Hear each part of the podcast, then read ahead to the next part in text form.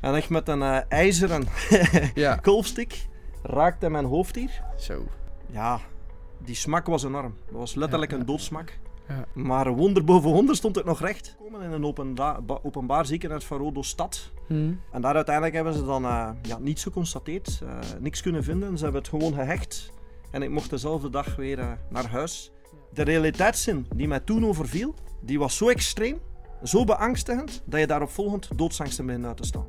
Dus ik ben toen naar mijn leidinggevende toegestapt. En ik stamelde, letterlijk stamelde van, ik voel me niet goed, ik voel me niet goed, het is iets in mijn hoofd. Ik, ik kan het niet plaatsen, ik kan er de vinger niet op leggen. Wil je mij alstublieft helpen, ik moet naar een dokter. Ja. En ze namen mijn verhaal niet serieus.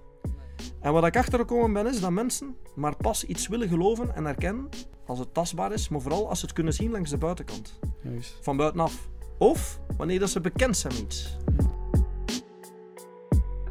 In de Vibe Podcast hebben we iedere week een aflevering met een opvallend persoon. Wil jij ook opvallen en een verschil maken met jouw bedrijf? Ga dan naar vibemedia.nl en kijk wat wij voor jou kunnen betekenen. Vibe Media, create a brand new day. Yves, welkom. Dankjewel. Super leuk dat je er bent. En ehm, laten we maar gelijk beginnen, want eh, nou, ik, Bram Thomas heeft ons aan elkaar gekoppeld. Klopt. En ehm, eigenlijk al de eerste, het eerste contact wat ik met jou legde, via de telefoon, was, al, was eigenlijk heel snel en, en, en positief en, en eh, eh, dankbaar. En dus het eerste wat, me, wat ik me dan eigenlijk afvroeg was, wat maakt eh, deze, deze man nou zo, zo dankbaar, zo optimistisch, zo positief? Dus ik denk dat we daar gewoon beginnen. Wat, wat heeft jou een beetje zo gemaakt tot de persoon die je nu bent? Ja, eerlijk gezegd, ik heb zoveel meegemaakt. Dat zegt waarschijnlijk iedereen. Ja. Ik heb immens veel meegemaakt. Daardoor ben ik ook dankbaar. Ik voel me ook enorm vereerd om eh, Ja. als Le Petit hè, de Ja, kleine ja, Belg, hier te mogen zitten. ja, ja. Dat vind ik heel mooi. Nog, nu nog de enige. En nu nog de enige, kijk, verder nog mooier. Ik heb ook getwijfeld om mijn oranje trui aan te trekken, want Juist. dat staat voor optimisme en eh, frivoliteit. Maar uiteindelijk heb ik voor zwart gekozen. Juist, Met white op, omdat bij mij feitelijk altijd het, het glas half vol is in plaats van half leeg. precies. En dat kan je feitelijk letterlijk nemen. Ja. Ehm, ik ben blij dat ik de kans krijg om misschien mijn missie te verkondigen of mijn boodschap. Want doorheen mijn leven eh, heb ik niet alleen veel meegemaakt, maar ik zit momenteel nog steeds in het proces. Oké. En uh, naar gelang dat de vragen vorderen, Ja, ja, ja. ben ik nieuwsgierig uh, of ik daar meer kan over vertellen. ja, dat denk ik wel. Want, want inderdaad, je zit in een proces. En laten we dan... Oké, laten we eerst even een paar stappen teruggaan. Um, waar begint dat proces dan voor jou? Want er is waarschijnlijk een oorzaak en het gevolg daarvan is dat proces. Klopt. Wat is precies die oorzaak geweest? Ja, twaalf jaar geleden hè, was ik sportentertainer in Rodos. Mm. Uh, ik werkte voor TUI. Uh, de Belgische variant heet Jetair. Oké. Okay. Um, en tijdens een van mijn activiteiten, het heette Urban Golf, was niet mijn favoriete activiteit. Oké. Okay. Had ik vier omstaanders en ik moest dan altijd demonstreren hoe dat ze feitelijk die golfstick moesten vasthouden. Juist. En uh, dat balletje in dat net moesten krijgen. Juist, juist, juist. Um, ja, zoals altijd was ik heel voorzichtig met mijn uitleg, maar op een zeker moment was er een Hagenees, hè, toevallig wel een Hollander, ja, ja, excuses. Ja. En die zegt van, hé, hey, hoe moet je dat nou? Hoe moet je dat nou? Ja. En uh, ik probeer het hem voorzichtig uit te leggen. Ik sta er nog twee stappen achter. Mm. Om een lang verhaal kort te maken, uh, nog twee keer attendeer ik hem daarop dat ik een stap dichterbij kom. Want op de een of andere manier kon hij precies niet horen wat ik precies aan het zeggen was. Mm. En opeens, op het moment dat ik net achter hem sta en ik dacht van oké, okay, nu gaat er niks gebeuren, Mm. dan legt hij aan. En echt met een uh, ijzeren ja. kolfstick raakte mijn hoofd hier. Zo. Um, ja, die smak was enorm. Dat was letterlijk ja, ja, een doodsmak. Ja, maar wonder boven wonder stond het nog recht. Oké. Okay. En het eerste niet, wat... Niet, uh, niet knock-out gegaan? Nee, Gewoon, niet knock-out gegaan. Het eerste wat door mijn hoofd flitste, dat was van... Uh, wow, ik sta hier nog. Ja, ja, ja. Ik leef nog. Ik ben er nog. Ik ben nog bij mijn volle verstand. Juist. Hoe is dit mogelijk? Ja. Uh, ja, daarop volgend begon het bloed letterlijk, ja, zonder uh, veel uh, over uit te wijden. Die gutste feitelijk uit ja. mijn hoofd. Ik kwam op mijn t-shirt terecht. Ik zeg altijd, het leek op een soort Rambo t-shirt ja, van in die films. Ik ben op eigen been nog naar de receptiehal gestapt. En daar heb ik gevraagd om zo snel als mogelijk. En ja, ik zeg, wat moet ik doen? Mm. Hebben ze een ziekenwagen opgebeld. En uh, die is dan langsgekomen. Een traject in de ziekenwagen. Terwijl ik denk dat ik bewust was, eh, weet ik niks meer van. Oké. Okay. Ik ben naartoe gekomen in een openbaar, openbaar ziekenhuis van Rodo Stad. Mm. Ehm, en daar uiteindelijk hebben ze dan eh, ja, niets geconstateerd, uh, niks kunnen vinden. Ze hebben het gewoon gehecht. En ik mocht dezelfde dag weer uh, naar huis. Ja. En mijn huis was op dat moment Hotel, Hotel, Hotel, Sunshine. Ja, ja, ja, um, en de show moest go on. Hè? Zoals dat eigenlijk Queen in zijn ja, zeker. oude tijden door de geluidssprekers kon doen hal. mocht ik terug. En s'avonds moest ik terug weer direct podium op. Oké. Um, maar ooit had ik al een artikel gelezen um, dat, dat, je, dat er soms een hersenletsel kan optreden pas in een later stadium. Juist. En dat er niet meteen iets zichtbaar is of iets tastbaar. Nee. En dat zat nog in mijn achterhoofd van ik moet die man zijn verzekeringspapieren opvragen. Ik, heb, heb ik uiteindelijk niet gedaan. Oké. Okay. Um, want je, je gaat toch altijd van, van het meest positieve scenario uh, uit. maar de weken daarop volgend werd ik extreem moe. Okay. Tijdens mijn middagpauze, als ik dan even mijn ogen durfde sluiten, was je, was uh, je kwam ik in die zon, 40 graden op mijn kop, op zijn Belgisch gezegd. Um, liep ik richting backstage, want dat was onze ontmo ontmoetingsplaats. En ik moest letterlijk naar ben, mijn hoofd naar beneden richten, mijn ogen dicht doen, omdat ik gewoon mijn ogen niet kon openhouden. Het was zo extreem. Oké. Okay. Oké, okay, ja, dat was waarschijnlijk een voorbode van wat nadien zou komen. Um, dan vier, vijf weken nadien, ik kan het niet precies zeggen, hmm. um, had ik een darsactiviteit. En het was natuurlijk de bedoeling dat ik de boel aan het entertainen was. Juist. Um, en van de ene op de andere moment had ik, had ik het idee, had ik het gevoel, alsof ik precies een hartstilstand ging krijgen. Okay. Ja, nu kan je denken van ja, Yves, hartstilstand, waar komt dat dan opeens vandaan? Ja, nu zit toevallig ook het hartkwaal langs mijn vader zijn kant, zit bij ons in de familie. Hmm. Um, dan ga je toch onbewust denken van, het zou toch niet? Nee, nee, nee. Um, ik heb me proberen kranig te houden, want ja, je wilt natuurlijk niet um, ja, op jou zijn zwakste laten zien. Zeker niet met 25, 30 omstaanders rondom jou. Nee. En opeens vloeide hij nou weer weg. En ik dacht van ja, wat is dat nu? Ja. Toen ben ik gaan slapen. En wat ik nu ga vertellen is ja, zo onwerkelijk. Okay. En voor de meeste mensen ook science fiction. Dat zou het ook voor mij zijn als buitenstaander. Hè. Laat dat even voorop staan. Okay. Maar bij het ontwaken uh, deed ik mijn ogen open en ik had meteen het gevoel dat mijn welbevinden totaal anders was. Ik zat nog steeds in dezelfde omgeving. Hmm. Ik besefte dat ik in die kamer was. Mijn ruimtelijk gevoel was nog min of meer hetzelfde, maar het was alsof ik in een soort trance was terechtgekomen. En geen trance met een, uh, een goede endor endorfine shot Nee, van op een of ander mooie housefestival. Nee, nee, nee. Maar dat was best extreem. Uh, ik noem het feitelijk mijn apocalyps, noem ik het. Ja. Um, ik, had de ik, ik had het gevoel, het was daadwerkelijk zo, dat ik de controle verloor over mijn hersenen. Oké. Um, en je kan wel denken, ja, jij denkt dat zeker, dat je de controle verloor over jouw hersenen. Ja. Ja, waarom zou ik dat denken? Ja. Het was echt een gevoel. Um, dus ik, meestal probeer ik zoveel als mogelijk metaforen te beschrijven, Mhm. uh, gebruiken om het goed te beschrijven. Juist. En wat het toen door mijn hoofd flitste, ik stond recht van op mijn bed en ik had zicht op zee. Dus Mhm. normaal gezien kreeg ik daar een extra soort energie altijd van. En was ik Mhm. blij, prijzen het mij gelukkig van, ah, kijk, kijk een keer hoe mooi dat ik hier zit. Ja. Maar het eerste dat door mijn hoofd flitste, omdat ik werkelijk voelde dat er een soort kortsluiting was opgetreden in mijn bovenkamer. Het voelt letterlijk alsof het er, ja, dat jouw computer is gecrashed. Alsof het er een onbekend virus jouw hersenpan heeft overgenomen, jouw besturingsorgaan. Mhm. maar een onbekend virus ehm, in jouw bovenkamer. Ja, je bent er dan wel, maar je bent er ook weer niet. Ja, je beseft nog net dat er iets enorms gaande is, Mhm. maar het probleem is dat het zich afspeelt in jouw hoofd, ja, ja, wat oké. ons besturingsorgaan is. Zonder ons besturingsorgaan zijn wij niks. Nee, nee. Ehm, en daarop volgend realiseer je jou twee dingen. Of dit gaat hier grondig mis, of dit wordt mijn dood, Mhm. of ik word gek en ik kom voor de rest van mijn leven in een gekkenhuis terecht. Oké. En dan kan je jou de vraag stellen, wat is meest angst, angstaanjagend in het leven? Is het meest ang- angstaanjagend de dood? Mhm. Of is, het, of is het verliezen van jouw bestaan, jouw identiteit, Mhm. nog angstaanjagender? Ja, ja. Ik denk dat het tweede angstaanjagender is.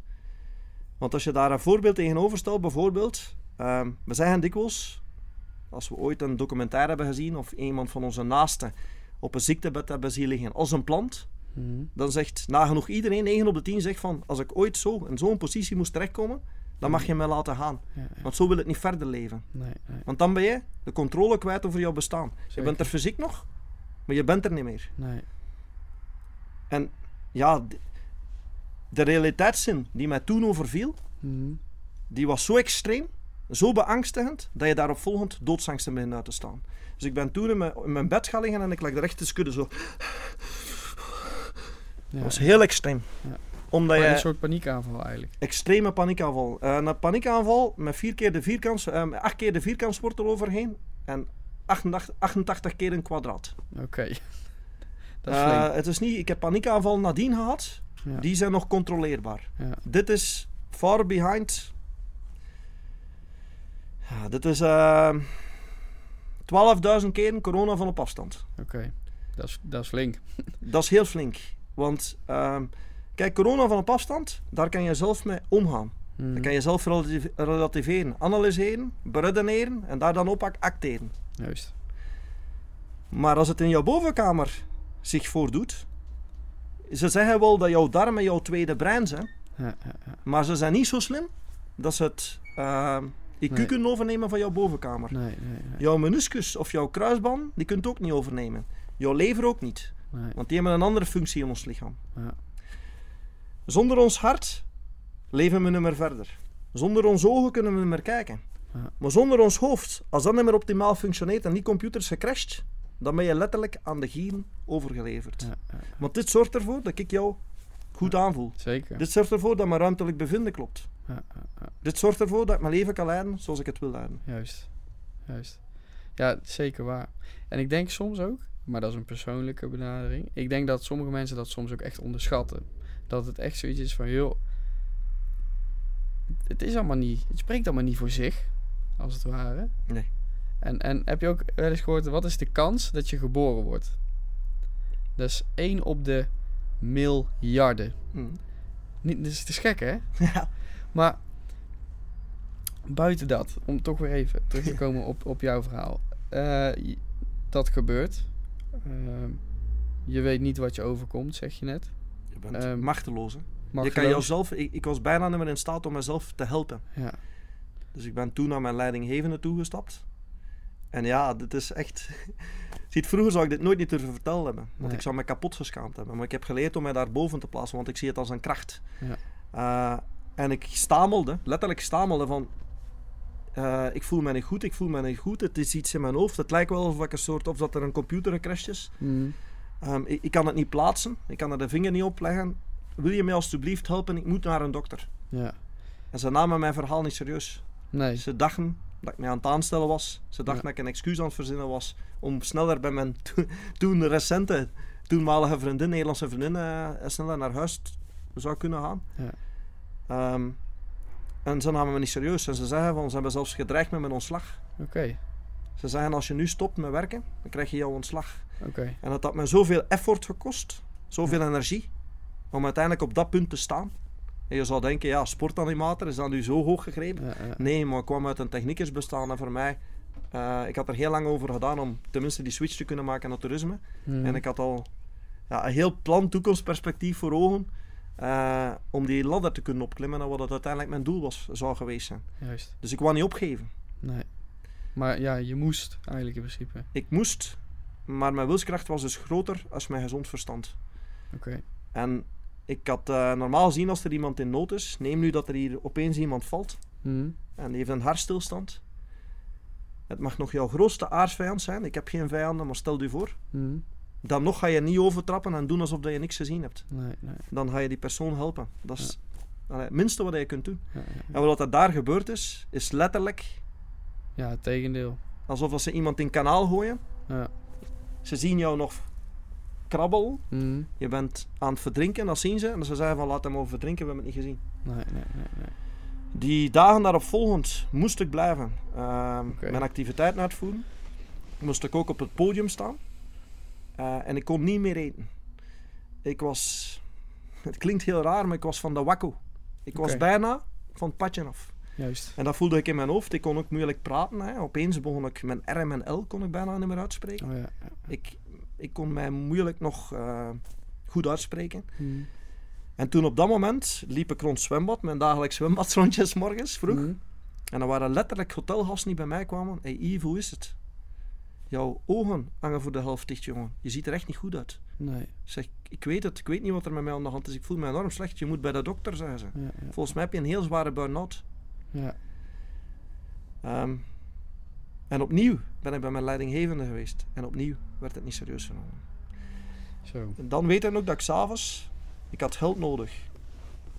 Ja, of ik ging naar de pinautomaat. Ik was bijna niet meer in staat om het geld uit de muur te krijgen. Mhm. Ik was compleet verbijsterd.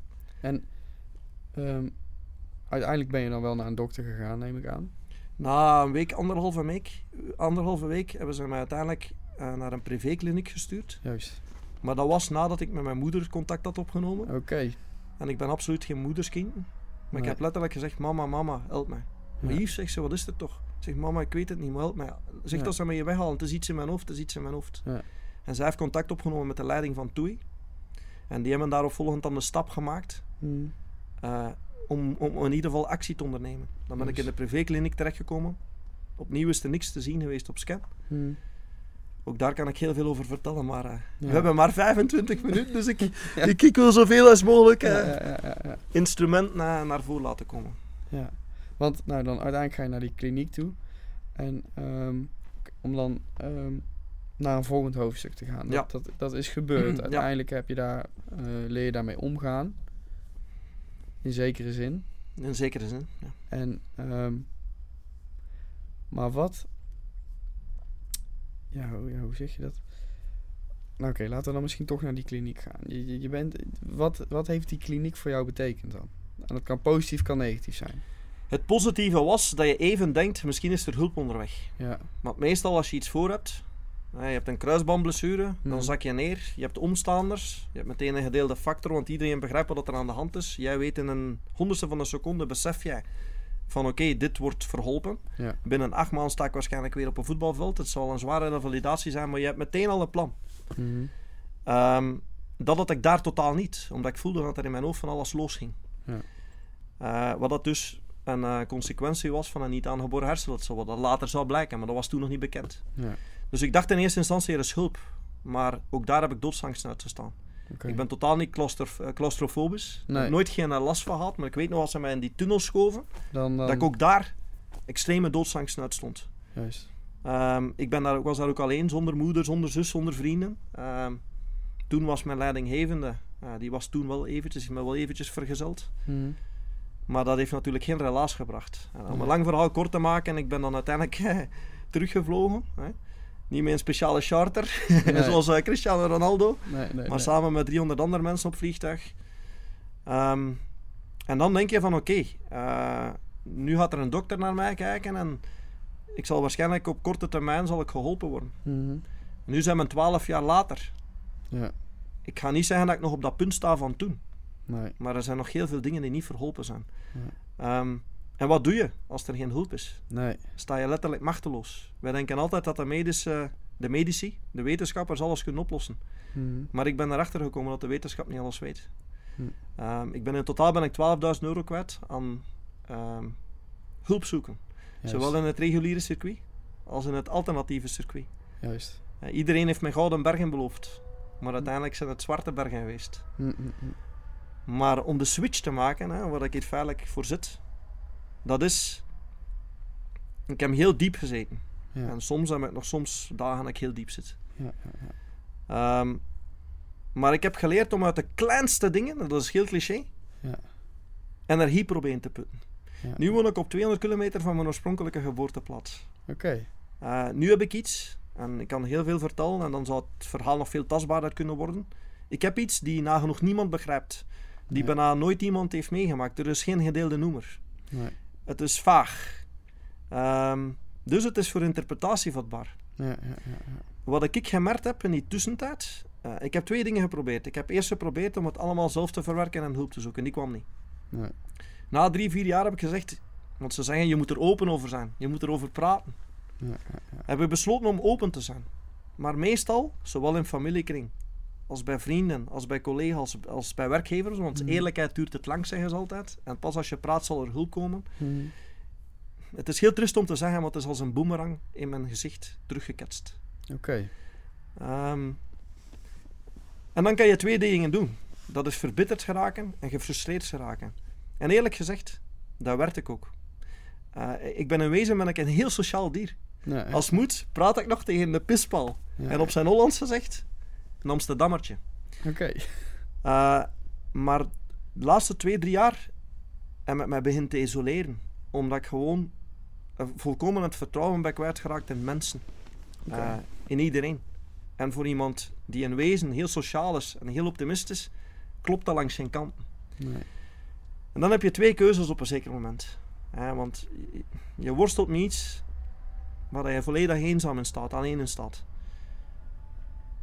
Ga ik blijven aan de klaagmuur? Want ik heb nooit niet aan de klaagmuur van Jeruzalem gestaan, maar ga ik mij opstellen als Calimero? Ik Ja. alleen tegen de wereld en iedereen is tegen mij. En al heb ik genoeg reden om mensen niet meer te vertrouwen en verbitterd te blijven, Hm. je hebt uiteindelijk toch mens nodig. Want alleen als wij met elkaar ehm, op een goede manier omgaan, versterken we elkaar. Hm. Dan heb ik gezegd, ja, hoe dat ook draait of keert, je mag nog zoveel teleurgesteld geweest zijn in het leven. En ook in mensen. Je kan niet zonder mensen. Nee. Nee. Dus je moet ze weer zien te bereiken. Ja, juist. Ik zeg, in dit ben je niet meer goed, in dit ben je niet meer goed. Dat is allemaal temps passé. Want Ja. ik, ja, dat kan ik hier allemaal niet benoemen, want ik zit natuurlijk met een bepaalde tijd. Ja. Eh, het normale werkklimaat, daar kan het niet meer aarden. Dus ik heb 12 jaar aan een stuk heb ik alles gegeven. Dus ik heb 300% energie gegeven voor maar 65% van mijn vroegere rendement te kunnen genereren. Hm. Ik heb soms een kortsluiting in mijn systeem. Dat ik extreme stress ervaar. Die stress kan je ervaren alsof er een slang onder jouw stoel zit. Juist. Eh, bij mij is meteen de vlam in de pan, alsof ik op een vulkaan zit. Hm. En die niet komt vanuit een ehm, denkwijze, maar die anatomisch wordt veroorzaakt. Want dat is het enige wat ze in die 12 jaar gevonden hebben, dat, is, dat, dat, dat er soms ehm, dat mijn zenuwbanen op mijn ruggenmerk drukken. Oké. Die zorgen soms voor kortsluiting in mijn systeem. Oké. En die stress die houdt dan vier uur lang aan, alsof je van boven op een spuwende vulkaan zit. is heel extreem. Extreem. Dat zie je allemaal niet langs de buitenkant. Nee. Als je zoiets vertelt, dan moet je maar hopen dat de persoon tegenover jou jou wilt geloven. Hm. En wat ik achtergekomen ben, is dat mensen maar pas iets willen geloven en erkennen als het tastbaar is, maar vooral als ze het kunnen zien langs de buitenkant, Juist. van buitenaf. Of wanneer dat ze bekend zijn met iets. Ja, ja, ja, ja.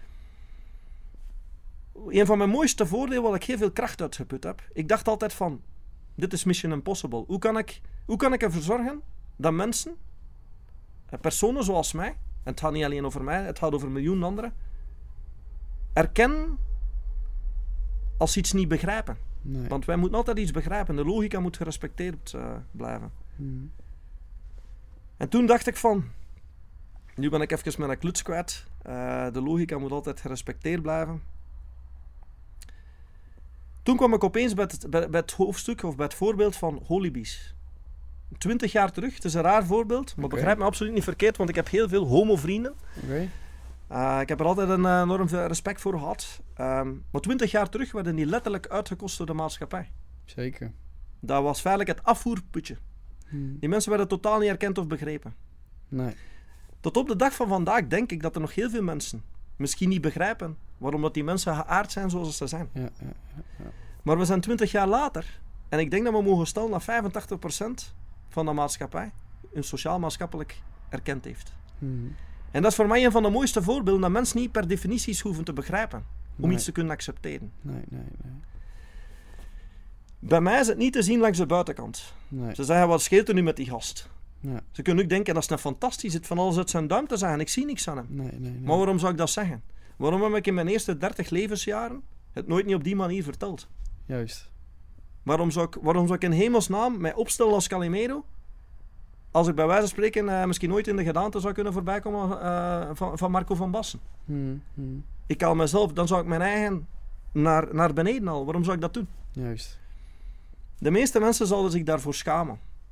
Ze zeggen dikwijls, je moet erboven staan. Ja, ja. Inderdaad, als je tussen staat, ja, dan ga je het verschil niet kunnen maken. Dus ik heb geleerd om mijn schaamte te laten voor wat het is en mij boven te staan en het gebruiken als een kracht. Juist. Ik weet nog dat ik daarachter met een laptop zat. En dat ik zeg, dacht van, ik ben nu 40 jaar. Het is gedaan. Het kan alleen maar slechter gaan. Ja. Het is niet meer voor mij weggelegd. En dan heb ik gezegd, wat kan ik wel nog? Ja, ja. Waar kan ik nog goed in zijn? Zeg, wat heb meegemaakt in mijn uniek? Hoe kan ik daar een rol van betekenis in vervullen? Hoe kan ik daar, kan ik daar zinvol in zijn? Mhm. Kan ik er ook later met een boterham mee verdienen? Uiteindelijk moet er brood op de plank komen. En toen dacht ik opeens, paf, zeg, dat is het. Ja, ja, ja. Ik zeg, wat ik meegemaakt heb, moet ik gebruiken om andere mensen me te kunnen helpen. Juist. Ik moet zorgen dat het onzichtbare en het onbekende zichtbaar wordt. Juist. Niet zichtbaar in de zin van, letterlijk, maar figuurlijk. Ja, ja, ja. Ik zeg, en daar ga ik mijn motto van maken. Dat, dat, dat, dat wordt mijn, mijn, mijn kracht. Juist. En dan ben ik zo bevlogen en zo bedreven en opeens voelde ik die passie weer. Ja, ja, ja, ja. ja. Een soort herboren eigenlijk. Ja, Ja. en natuurlijk, het is een utopie. Want wat ik probeer is een taboe te proberen te doorbreken voor iets wat mensen niet snappen. Hm. En dan kom je altijd bij het verhaal van 1, 1 op 100 miljoen. ja. Inderdaad, er is maar één kans op 100 miljoen dat ik het voor elkaar krijg. Maar als je... Maar hoe mooi zou het niet zijn? Vroeger was mijn idool Marco van Bassen. Ja, ja, Ik deed hem altijd na met die volley die je in, eh, in het Olympiastadion van München deed. Op TK, het Europees kampioenschap. 88 als ik me niet vergis. Hm. Ik deed hem altijd na. Nu moet ik zeggen, op dit moment... Marco van Bassen is nog steeds mijn idool, maar niet met hetzelfde idool. Nu is mijn idool Tony Robbins. Dat is wereldwijd de grootste inspirator qua mindset Hm. eh, die er bestaat. Hm. Ik denk als je zoiets kunt bereiken, dat het nog veel dieper gaat dan wat een Marco van Bas nooit voor elkaar gekregen heeft. Die heeft de gouden bal ge- gewonnen, die heeft miljoenen mensen vertier bezorgd en entertainment met zijn voetbalkunsten. Hm. Maar mensen in mijn positie die kunnen zo diep zijn, zo diep zitten, dat die en ook zo weinig erkenning hebben van de buitenwereld, ehm, begrip, die kunnen zich zo extreem eenzaam voelen, dat een voetbalwedstrijd nimmer voldoende is om dat vleugje vrolijkheid weer in hun aan te wakken. Juist. Ehm, daar is meer voor nodig. En wat ik vooral... Allee, dat is echt mijn missie geworden. Kijk, aan een ziekte kan je niks veranderen. Nee. Of nagenoeg niks. Soms kan er een kleine progressie merkbaar zijn bij niet aangeboren hersenletsel, bij mensen met fibromyalgie, chronische aandoeningen, de ziekte van Crohn, ehm et cetera, et cetera. Dat staat meestal vast. Ja. Je hebt heel veel van die praatgroepen op Facebook. Hm. Ehm, en ik vind, het heel, ik vind het fantastisch dat die bestaan, want mensen vinden steun bij elkaar. Ja, ja. En de ene zegt van, oh, ik heb last van een whiplash. Heb jij daar ook last van? Bij welke dokter ben jij geweest? Of welke neuropsycholoog? Ehm, hoe kan je daar best mee omgaan? Dat Hmm. soort dingen. Heb jij ook last van brain fog? Maar uiteindelijk pakken ze de... Waar dat ze echt het verschil kunnen maken, pakken ze niet aan. Nee. Het verschil zit hem in de perceptie van de buitenwacht. Ja, ja, ja. Daar kan het grote verschil in gemaakt worden. De perceptie van de buitenwacht. Hoe gaan die om? Met die situatie. Eh, Als je dat onbegrip kunt weghalen, als daar meer begrip voor in de plaats gaat komen, ja, dat is fantastisch. Want dat de- als je dat zou kunnen bereiken, dat is nog mooier dan Marco van Bassen. Ja, ja, Want dan ga je nog veel dieper. Je, je, je geeft een stem aan mensen van een vergeten doelgroep, waar dan niemand mee in zit, nee. waar dan niemand aan denkt, die niemand begrijpt, die ze letterlijk laten verkommeren. Ja, ja, ja. En wat gebeurt er? Als je zoveel als mogelijk mensen laat voorkomen in de maatschappij, dan ontstaat er een hele grote groep met ongenoegen, met Hmm. onvrede. Als je daar een verlengstuk aan breidt, wat gebeurt er dan? Ehm, een soort domino-effect. Die mensen voelen zich ongelukkig, die, die krijgen hun plaats niet in de maatschappij. Ja, Het kost superveel geld als je het even economisch moet verantwoorden, want je kan ze nooit meer plaatsen ehm, in, in het werkklimaat. hm. Ook op dat soort vlakken, zowel qua diagnose, qua efficiëntere hulpverlening en vooral qua begrippen van perceptie, kan er een wereld van verschil gemaakt worden. Juist. En ik weet, ik ga een beetje van de hak op de tak. En ze kunnen misschien denken, sommige mensen, wat is dat allemaal voor geratel? Maar ik, ik ben daar zo in gepassioneerd, zo in bevlogen. Ik, ik kan dat niet... Ja, ik moet mezelf intomen Ja, ja. om, jou op die, om de volgende vraag te laten stellen. Ja, ja, ja. ja, maar ik vind het sowieso respect voor. En inderdaad, wat je ook zegt, heel veel mensen kunnen er iets van vinden. Iedereen heeft een mening. Maar als jij inderdaad in jezelf gelooft, als jij jouw eh, missie hebt ge- gevonden en kunnen vinden, en ik denk dat dat ook een heel groot verschil is, Ja. dat mensen een missie kunnen vinden. Ik denk dat het ook eh, lastig is om voor heel veel mensen te achterhalen van wat is mijn toevoeging nou in dit systeem, deze maatschappij. En voor mezelf haal ik die voldoening uit. En ik vind dat alleen maar belangrijk is dat iemand dat kan vinden voor zichzelf. Ja. En het mooie is eh, aan jouw verhaal inderdaad ook wat je zegt, ik heb iets meegemaakt, eh, tastbaar of niet. Ehm, ik weet wat, wat, wat er is gebeurd. Zo merkt dat, of zo, zo voelt dat voor mij. En, en ik kan het op een bepaalde manier communiceren, omdat ik ervan overtuigd ben dat er andere mensen zijn die daar last van hebben. Ja. En als ik die persoon kan zijn die daar een steun in kan bieden voor anderen Zeker. en daarmee kan helpen, Dat is fantastisch. dat vind ik alleen maar mooi. En ik denk dat dat ook wel, dat we daarmee eigenlijk ook wel moeten afsluiten. Ja. Want inderdaad, ja, we kunnen nog uren doorpraten. En ik denk dat jij ook nog veel, veel te vertellen hebt. Mag ik nog één ding zeggen? Tuurlijk. Mensen associëren een taboe doorbreken meestal met iets heel negatiefs. Hmm. Maar een taboe doorbreken is feitelijk het mooiste wat er is. Want als je dat bereikt, Ja. ja, dan ga je feitelijk van iets heel zwartschaligs. Ja. Ja. Je- Ja, ligt er natuurlijk wel- je naar- het mooiste wat er bestaat. Ja, want ja, je maakt feitelijk het onmogelijke waar. ja. Ja, dus die dat- associatie moet ver- die, die wordt volledig verkeerd gelegd. Ja, ja, ik vind dat misschien nog wel mooi, want inderdaad, taboe is heel vaak negatief. Ja. En taboe is ook heel breed, dus ik snap dat. Maar als je hem zo neerzet van iets onmogelijks, van de impossible making the possible, zeg maar. Dat vind ik sterk, inderdaad. En dat, dat, nou, dat is ook wat jij doet. Ja. En dat, daar kan ik alleen maar respect voor hebben. En dat vind ik heel tof. En daarom, eh, bij deze wil ik hem ook afsluiten om Ja, echt ja, te zeggen... Ja, ja. En daarom dus echt respect daarvoor. En dan eh, het enige wat ik kan zeggen is inderdaad, ah, geloof in jezelf en ga ervoor. Ja, dat doe ik ook vol. En dat is belangrijk. Dat is, maar dat is misschien wel het allermoeilijkste. ja, en ik denk dat Eh, dat blijf misschien... in jouzelf geloven. Als er niemand anders in jou gelooft, en zeker in deze toestand. En vooral niet in jezelf. ehm, en ik heb dus, mijn geest heeft mij dus ooit in de steek gelaten, mijn lichaam. Eh, dat kan je je bijna niet voorstellen. Nee, nee, nee. Maar als zelfs jou... Ze zeggen mee, je moet op jouzelf nog kunnen vertrouwen. Maar als je zoiets meegemaakt hebt, dat is zo traumatisch. Dan is het Dat zelfs jouw eigen geest jou in de steek heeft gelaten. Ja, ja, eh, dan moet je nog veel dieper gaan. ja. Extreem diep. En ik ben zo diep gaan en ik weet, we moeten afsluiten. Als ik aan het hardlopen ben, uit de kleinste dingen kan ik kracht putten. Hmm. Dus neem nu dat ik eh, op het einde van mijn krachten zit en ik loop door twee, ehm, ja, door een haag van bomen Hmm. met takjes die uitsteken. En ik kan niet meer, ik zit er volledig door of ik voel me heel slecht. Ik loop met een krop in mijn keel, of Ja, ik al 12 jaar liefdesverdriet heb. Dan gebruik ik die takken als uitstekende handjes. En zie ik die feitelijk als handen die me uiteindelijk Juist. nog stuwen naar die laatste twee kilometer om een marathon te voltooien. Juist. Als ik een helikopter zie vliegen, dan gebruik ik de wieken als een soort metafoor. Dan probeer ik met de verplaatsende wieken van de helikopter, dat die me uiteindelijk neerzet op een plaats waar ik weer gelukkig ben. Een kerngezond. En waar ik mijn doelen bereik. Juist, juist, juist.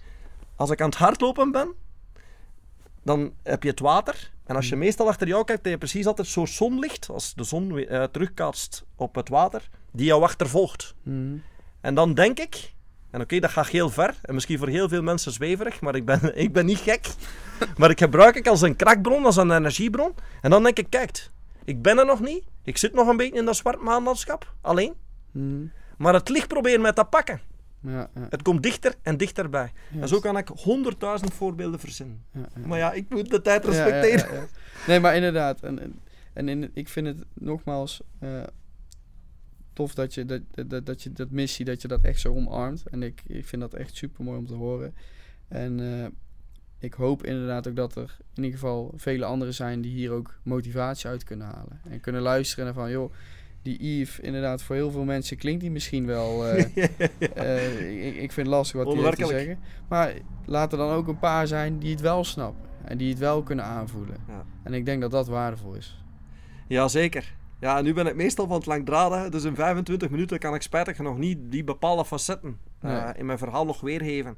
Eh, waardoor dat het nog tastbaarder zou kunnen worden, want dan Ja. zou ik er het mijn verleden kunnen bijhalen. Ja. Dat mensen echt kunnen polsen van, ah, maar die gast, die kan alles normaal kapot relativeren, die is heel optimistisch in het leven. eh, Nee. die heeft 30 jaar dus wel gespoord, hè, als ze moesten denken aan het spoor. Hm, Maar ik denk dat ik misschien nu pas echt op spoor zit. juist. Door al mijn levenservaringen. Ik, Ja. ben, ik, ben, ik, ben op, ik, ben, ik ben letterlijk gezakt tot op het diepste punt van de Grand Canyon. Ja, ja, ja. En als je daar weer kan vanuit opstaan en je kan het dan nog fixen, ja man. Ik heb een dochtertje van vier, hè. ja, Dan zou de cirkel rond zijn. juist. En opnieuw, één kans op 100 miljoen. Maar die ene kans, daar gaan we voor. Precies. En ik Maar denk ik ben dat... enorm dankbaar dat ik die kans krijg van u. Ja, graag zelfs. Als ik die kans kan bieden, dan doe ik dat ook graag. En inderdaad, één op de miljoen, daar doen we het voor. Daar doen we het zeker voor. En daar, daarbij wil ik hem afsluiten. Dus ik wil jou heel erg bedanken. ik u. Ja, en ik, eh, ik eh, hoop dat er inderdaad ook mensen zijn die hier echt iets aan kunnen hebben. En ik ben ook wel van overtuigd dat er heel veel mensen hier echt positiviteit uit kunnen halen. En eh, dan wens ik jou veel succes in ieder geval. Merci. De meeste dromen zijn bedrog. Maar als je ze niet probeert na te streven, dat is zo'n Marco Borsato altijd, dan ga je ze nooit niet bereiken. Precies. En dat vind ik Dat een vind mooie ik een. Super bedankt. Ja, man.